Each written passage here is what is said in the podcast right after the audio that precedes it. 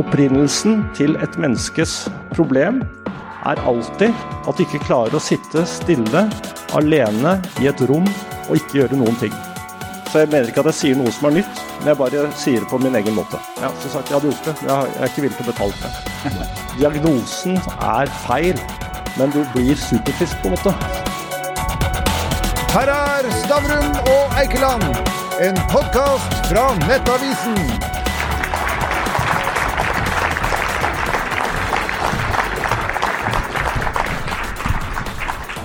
Velkommen eh, til Stavrum Eikelands 100 podkast.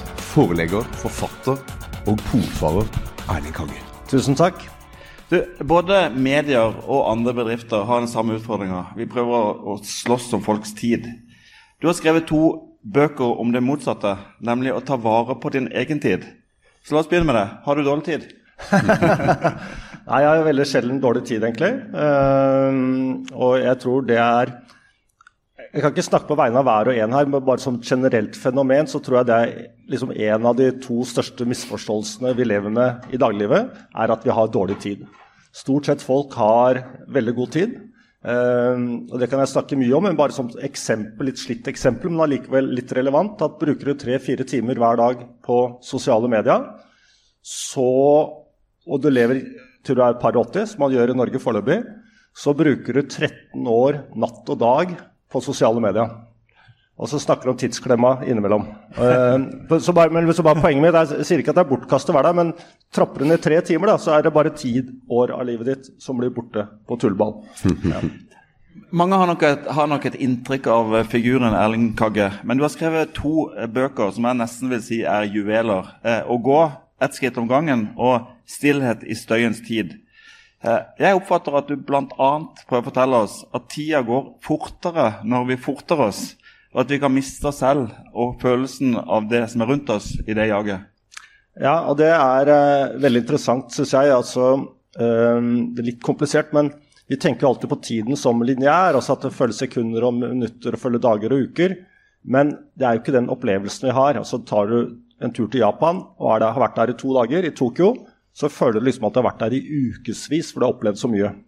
Men hvis du gjør akkurat de samme tingene som du alltid gjør her hjemme i Norge, så går tiden av seg selv, og du tenker ikke noe over det. Så på det ene, da går tiden veldig fort. Um, og samme hvis du da kjører f.eks. mot et fjell, og du bruker en halvtime istedenfor å gå som tar fire timer, så tenker man at da sparer man tre og en halv timer. Og Det er riktig matematisk, selvfølgelig, men ikke rent faktisk opplevelsesmessig. For kjører du det fjellet, så opplever du ingenting underveis. Du får ikke med deg noen lukter, får ikke med deg vind, du ser ikke mosen, du hører ikke bekken sildre osv. som du gjør når du går. Du blir ikke sliten, du liksom får ikke levd deg inn i naturen. Så det er klart at, at når du forter deg, så snevres tiden inn. Mens når du tar det med ro og opplever ting underveis og erfarer eh, det du er med på, så strekker tiden seg ut. Og ikke bare tiden strekker seg ut, men også rommet, omgivelsene, strekker seg ut. Um, ja, jeg kan si mye mer om det, men det er sånn, altså, på en måte så er det liksom, bare tenk litt på det. Det er egentlig bare selvfølgeligheter. Så jeg mener ikke at jeg sier noe som er nytt, men jeg bare sier det på min egen måte. men det, det, I år er det 25 år siden du starta forlageri. Eh, parallelt og før og under etter så har du gått til Sydpolen, Nordpolen, du har vært på Mount Everest. Og du har av alle ting gått gjennom kloakken eh, på Manhattan. Og Der skriver du at eh, det, var, det ble lavere og lavere under taket, og til slutt så kravla du liksom med 40 cm i kloakken. Og så stilte du deg selv et spørsmål. Hva faen gjør jeg her? Og jeg lurer på, Hva svarte du? ja, det, det, det eh, Altså, vi er jo alle født eventyrere. Um, så jeg tenker alltid at det å være eventyr er ikke noe du starter med. Uh, det er noe du sånn sakte slutter med. Men den, den eventyrånden vi alle har, den blir aldri borte. Den går aldri i null. Så jeg tenkte det er alltid variasjon mellom 0,1 og 99,9, som alt annet, så lenge man lever. Um, og for meg den gangen så var det liksom Jeg ville se hvordan New York så ut på innsiden. Jeg ville se hvordan byen så ut hvis du snudde den opp ned. Og jeg hadde også ganske mange sånne problemer. Jeg var samboer en gang, hadde problemer med samboeren min, og liksom livet gikk ordentlig på tverre, tverke. Så jeg trengte bare gjøre noe helt annet. Og så kan jeg si sånn, Er det mulig å gå fra problemene sine? Og det er det jo. Eh, de fleste problemer kan vi jo bare gå fra. Og når, eh, og når vi kommer tilbake, så er det ofte ikke problemer. Så jeg dro egentlig til New York bare for å leve et annet liv i noen døgn. Eh, og glemte alle problemene hjemme. Men da jeg kom hjem, så var det der fremdeles. Men, eh, men det var en sånn renselse for meg, den turen, rett og slett. Ja.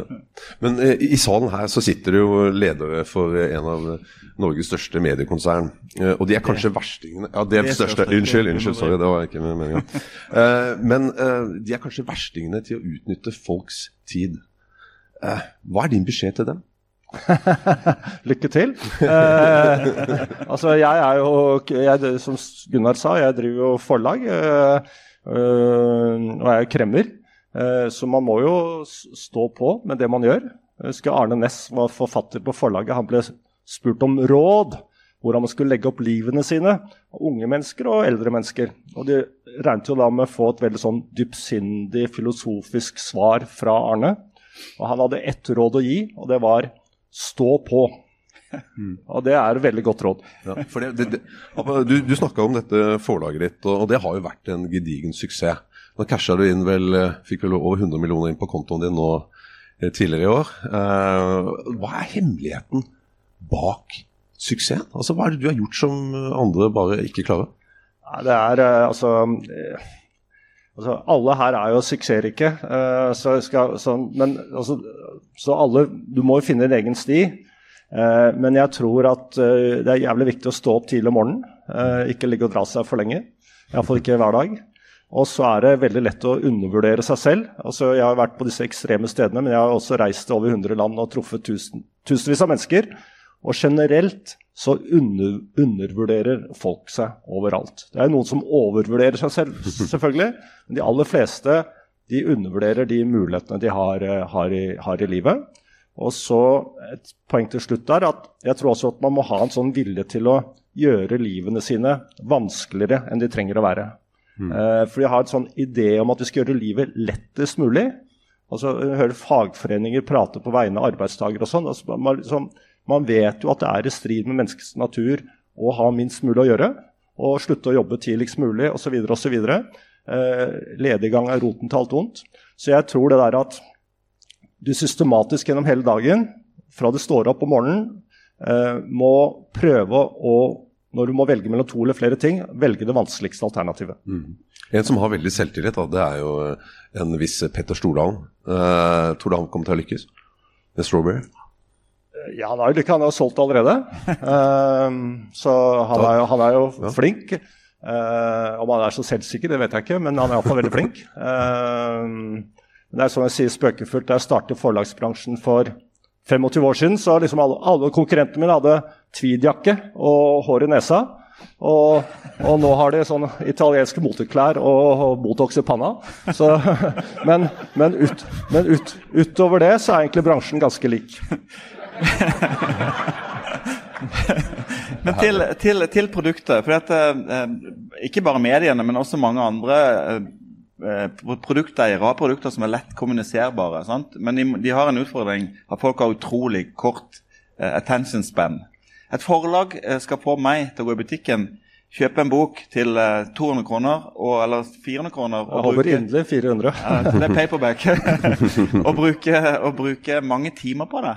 Eh, Hva er, eh, hvordan vinner forlagene kampen om folks tid? Det er veldig interessant, fordi da jeg startet med forlag, så da var det liksom ganske dumt å drive forlag. Liksom alle de ambisiøse kompisene mine de drev med internett og ja, media liksom andre, andre greier. Og finans og eiendom og olje og osv. Og, og konsulentselskaper og sånn. Og så, i løpet av de 25 årene, så har det liksom vært kjempekult å drive forlag og ganske døvt å drive forlag. Så det varierer. Men det har vært bra å drive forlag hele tiden. Og eh, det er det at folk vil ha, eller veldig mange mennesker iallfall, de vil jo ha gode historier, om det er sakprosa eller om det er eh, skjønnlitteratur. Godt redigerte, bra språk, gjennom, gjennomtenkt, arbeidet over tid. At det har jo funket i titusener av år. Eh, så det kommer til å fungere videre også. Så, så, men det er klart at hvis vi skulle ha levd av alle bøkene, kun av de bøkene som blir lest, eh, da hadde det gått mye dårligere. Så man kjøper jo bok også med drømmen om at man skal lese, eller man syns det er koselig å kjøpe en bok. Man kjøper bok for å gi bort eh, osv. Og så leser man en del av de bøkene man kjøper. Men altså, folk spør meg hjemme har du lest alle bøkene i bokhyllen. Det har jeg selvfølgelig ikke gjort. Eh, men jeg syns det er hyggelig å ha de bøkene der. Og jeg titter på dem og, og, leser de fleste av dem. Og kanskje noen leser jeg to ganger. Så det er eh, ja, så det, er liksom, det handler om å gi livet mening. Jeg kan jo skjønne også at, at eh, Jeg kanskje ikke si det her, men også når jeg leser nyheter, eh, norske nyheter sånn jevnt og trutt, det er nesten de samme nyhetene hver dag. Mm. Rett og slett. Jeg husker jeg var borte en gang åtte måneder, ikke leste en eneste norsk avis. Og det var på 80-tallet. Og da kastet jeg meg over avisene, og det var akkurat samme debatten. Det var om man skulle få oppheve NRK-monopolet og andre. Og det var de samme folkene som deltok. Uh, så jeg følte ikke at jeg gikk glipp av noen ting på åtte måneder. men, nå er det annerledes, selvfølgelig, men det er sånn, de ligner på hverandre, veldig nyhetene. Så da tror jeg det er også det at du kan høre, høre eller lese en skikkelig god historie, uh, det tror jeg er naturlig. Mm. Men, og, kan si 400 kroner for bok. Folk sier bøker er dyre, men bøker er egentlig altfor billig. ok, der kom eh, finansmannen inn. Men, men, altså, eh, du må jo være en av verdens mest rastløse personer. Men likevel så har du skrevet en, en bok om stillhet. Eh, hvorfor er stillhet så viktig? Det var litt derfor jeg skrev bok om stillhet også, for jeg lurte på det samme. Og jeg hadde tre tenåringsdøtre som bodde hos meg halve tiden. Og det er klart at Da jeg gikk til Sydpolen for eksempel, alene, så var, var det sånn enorm stillhet rundt meg, men også etter hvert inni meg. Så jeg lærte meg veldig mye om det å være til stede i sitt eget liv. Eh, men da jeg hadde alle disse barna hjemme, så, så handlet jo livet mitt bare om støy. Jeg prøvde å forklare barna mine liksom viktigheten av stillhet, viktigheten av ikke alltid være tilgjengelig, eh, viktigheten av å lytte til seg selv. Og da sa de til meg sånn Stillhet er ingenting. Og det er jo det også man lærer, Hvis man studerer filosofi, så lærer man heller ikke om stillhet. Alle filosofer vet jo at av ingen, ingenting kommer ingenting. Så etter hvert så skjønte jeg liksom at det var skrevet veldig lite interessant om stillhet. Og da stilte jeg liksom hva er stillhet, hvor er stillheten, og hvorfor er den viktig? Og så brukte jeg halvannet år da, på å skrive den tynne boken. Men, men eh, og, og, et av poengene er jo det at alt som har med støy å gjøre, altså om man ser på en skjerm eller snakker i telefon eller hører på radioen eller alt man gjør, sånn, det handler jo om å leve gjennom andre mennesker og leve gjennom teknologi og leve gjennom en skjerm. Eh, alt det er støy. Eh, men stillhet det er mye vanskeligere, fordi det handler om å lytte til seg selv og bli bedre kjent med seg selv. Og det er noe av meningen med livet, selvfølgelig, det er jo å bli kjent med seg selv. Og, og, skal du bli det, så må du ha stillhet. Mm. Og det er ubehagelig å sitte og ikke gjøre noen ting. Og en filosof som het eh, Blaise Pascal, han skrev om, om det på 1640-tallet. At en manns nei, Opprinnelsen til et menneskes problem er alltid at de ikke klarer å sitte stille alene i et rom og ikke gjøre noen ting. Det er begynnelsen på alle problemene våre. Og, stedet, og i stedet for å ikke gjøre noen ting, så gjør du noe, og da begynner helvete. Og, det, eh, og det, det, er jo sånn at hvis du, dag, hvis du, tar ungdommer i dag som er vant til å snappe 2000 ganger eh, i døgnet, tar fra dem mobilen og setter dem inn i et rom, så minner det om et eksperiment du, du skriver om i boka di. Nemlig hvor folk ble låst inn i et rom og satt der i 10-15 minutter. Og der, Det var så krevende at noen faktisk ga seg selv elektrosjokk for å få tida til å gå. Og du skriver Eh, litt optimistisk at, eh, at eh, vi har tid nok, livet er langt, hvis vi lytter oftere til oss selv og hever blikket. Men på neste par sider senere skriver du at jeg tror vi er i ferd med å bli splitter pine gale. Ja, jeg tror det. Eh, også i den forstand at, at eh, hvis mormoren min hadde sett, altså mormødrene til alle her, hadde sett hvordan vi går på gaten sånn, med omtrent liksom holder en sånn teddybjørn opp mot øret, og alt er tilgjengelig, og det er det viktigste, det vil jo se, se, ut som galskap. Uh, men jeg er ikke noe sånn antiteknologi, og jeg har jo mobilen med meg hele tiden. Så det handler ikke om det i det hele tatt. Det handler bare om å, å prøve å være innimellom, være senter i sitt eget liv. Og jeg tror det også er veldig viktig også i den forstand at altså man kan tenke seg det å være mye, mye ute i naturen f.eks. Jeg tror det er liksom den andre store tabben vi gjør, er at vi fjerner oss fra naturen. At mennesket har jo gått og godt i naturen siden Homo sapiens ble skapt. Og all oppdagelse handlet om å bevege seg, gjøre noe fysisk. Og nå er vi den første generasjonen som sitter i stoler stort sett hele dagen og utforsker oss selv og verden om rundt oss via en skjerm. Så det er, det er, eh, det er uh, naturstridig, rett og slett. Men, men kan stillhet skape verdi? Ja, altså det skaper jo verdi for altså jeg, altså jeg veldig tro på sånn Det skaper verdi uh, for deg, helt åpenbart, fordi du blir bedre kjent med deg selv. Og det er også fint med verdi. altså at Vanligvis når man tenker på verdi, altså i Kagge forlag eller hos dere, så tenker man selvfølgelig et skritt videre at det, gjør vi sånn og sånn, så vil det føre til sånn og sånn, og så vil man ha fått overskudd på den boken osv. Men her handler det om liksom at det er et sånn en, det, fører ikke til noe. Mm. Det er bare en egen stor verdi i seg selv. Men jeg tenker litt på kjøkkenbordet hjemme når du starta Kage forlag. Det hadde ikke blitt til hadde det ikke vært den stillheten rundt Nei, det er riktig at jeg tror veldig på, på, på kreativitet, f.eks. Uh, ehm, så er det helt åpenbart at uh, det å gå Du beveger deg, du blir beveget. Motion, emotion, moving, being moved. Det er i alle språk, til og med sanskrit. På sanskrit så er det samme ord for å gå som å skaffe seg kunnskap. Så det er klart at grunnen til at folk fra Sokrates til Steve Jobs gikk og gikk, var ikke fordi de skulle mosjonere eller ikke hadde noe annet å gjøre. Det var jo for å sette tankene i bevegelse. Og Da kan du prate, selvfølgelig, men det kan også gå i stillhet. At, eh, at, eh, at det funker. Og I stillhetsboken der så intervjuet jeg eh, Elon Musk, og, eller snakket med han, og han spurte han om stillhet, og han bare, han bare lo. For det, så sånn, det var liksom helt meningsløst å snakke om stillhet. Men, men, men eh, så fikk han tenkt seg om, så er det klart at det er akkurat den han bruker mm. hele tiden. Prater, samler kunnskap, og så tenker ordentlig gjennom det og legger sammen og blir den han blir. Mm. Litt, litt, uh, litt, mer om personen Erling Kage. Altså, de ytre omstendighetene er sånn at uh, nå skal jeg skryte litt av det, at alt du tar i, blir jo til gull. Forlaget har blitt en gullgruve. Du har kunst for gud vet en milliard. Du går hit og dit. Men hver lørdag og søndag stort sett, så tar du på deg noen slitte joggesko. Det er skuffende at ikke du har slitte joggesko nå. Og så går du over Gaustadjordet Gausta og inn i skogen, og helst et sted uten sti. Hva som er fascinerende med det? Altså, jeg liker veldig godt å gå. Uh, uh, og det å gå utenom sti er fint, fordi da må du liksom bevege hele kroppen. Og det går på balansen, og det kommer litt, sånn, litt sånn meditativt. Det er litt som å gå på langrennsski. da, At, uh, at du at du, at du, at du liksom bruker, bruker hele kroppen og kommer litt inn i transe, på en måte. Altså det er for å, form for å hypnotisere seg selv.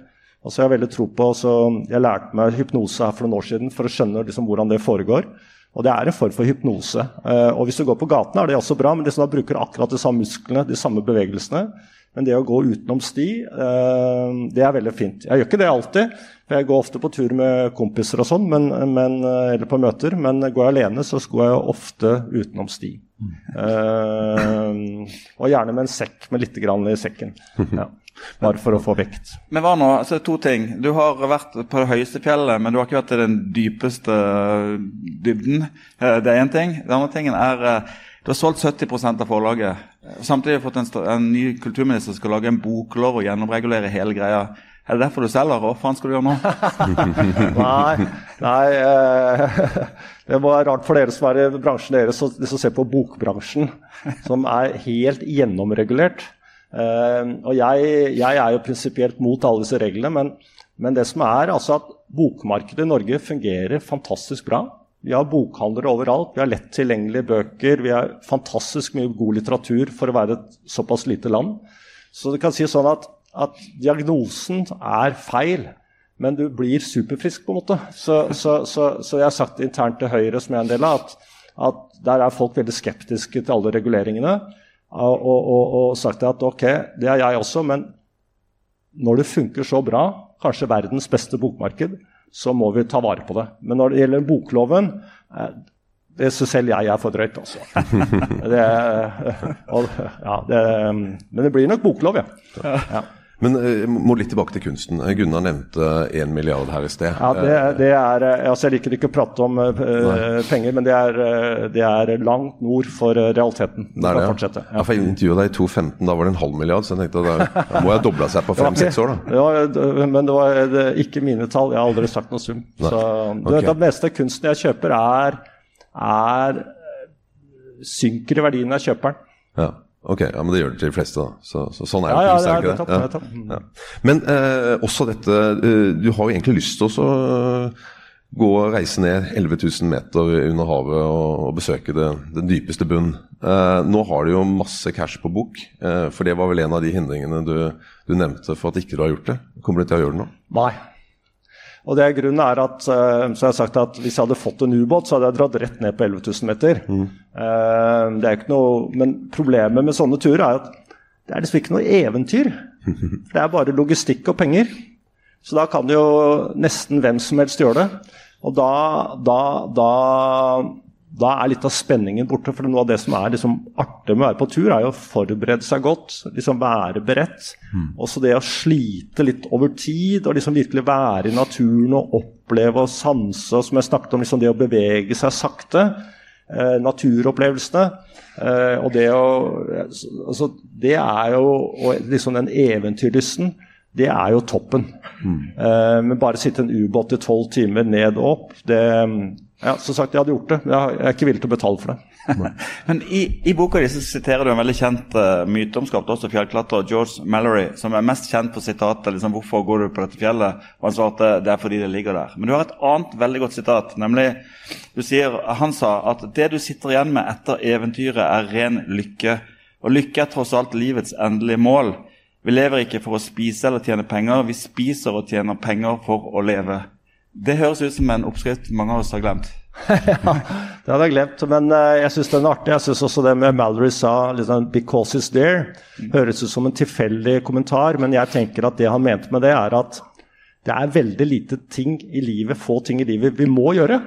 Vi trenger ikke å stå opp om morgenen eh, hvis man har noen mor eller kone eller ektemann som lager mat til en. Man trenger liksom ikke gjøre noen ting, egentlig. Så som jeg sa til å begynne med, alt handler om å gjøre livet vanskeligere.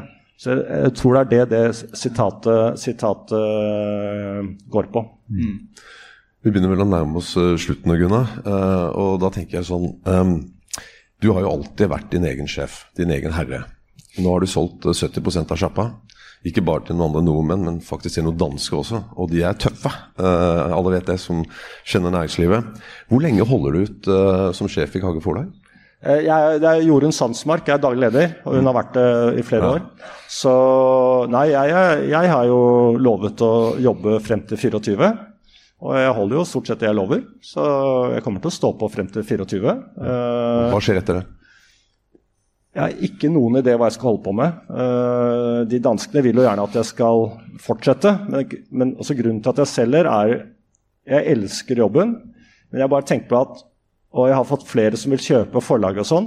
Men da politikken kom, så skjønte jeg plutselig at du kan både, liksom både ha en fortsettelse av forlaget uavhengig av meg, og kan ha vekst, og forfattere kan bli fornøyde, ansatte kan bli fornøyde. Liksom at, jeg har jo brukt 25 år sammen med gode kolleger da, til å bygge det opp.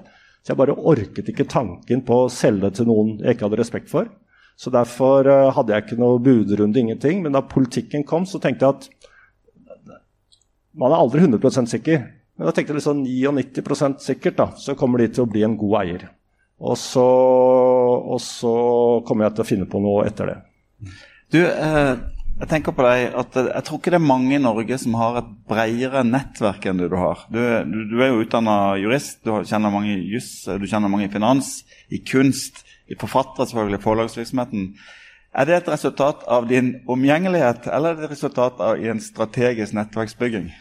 Um, sikkert begge deler på én måte, men egentlig ikke. fordi altså, Jeg hører folk som har sånn nettverksmiddager og nettverksditten og datten. Men det det handler om, er å ha en sånn glede av å snakke med mennesker og ha en sånn grunnleggende respekt for alle mennesker du treffer. Selv om du går på Rema og får kjeft av han eller hun som sitter bak kassa at de er sure eller sånn, Prøv å behandle folk med respekt. Kan ikke alltid, men nesten alltid. Vær nysgjerrig. Lytt til dem. Eh, og gjerne fortell dem noe de ikke har hørt fra før av. Eh, ja, da syns folk det er artig å prate med deg. Det er ikke ofte vi driver med produktplassering i, podkasten, og det er ikke dette heller, men disse to bøkene er faktisk veldig gode. De er kloke, kortfatta. Det var en lyst til å lese. Takk for at du var gjest i Stavrum Eikeland. Tusen takk. Tusen takk for meg. Tusen takk.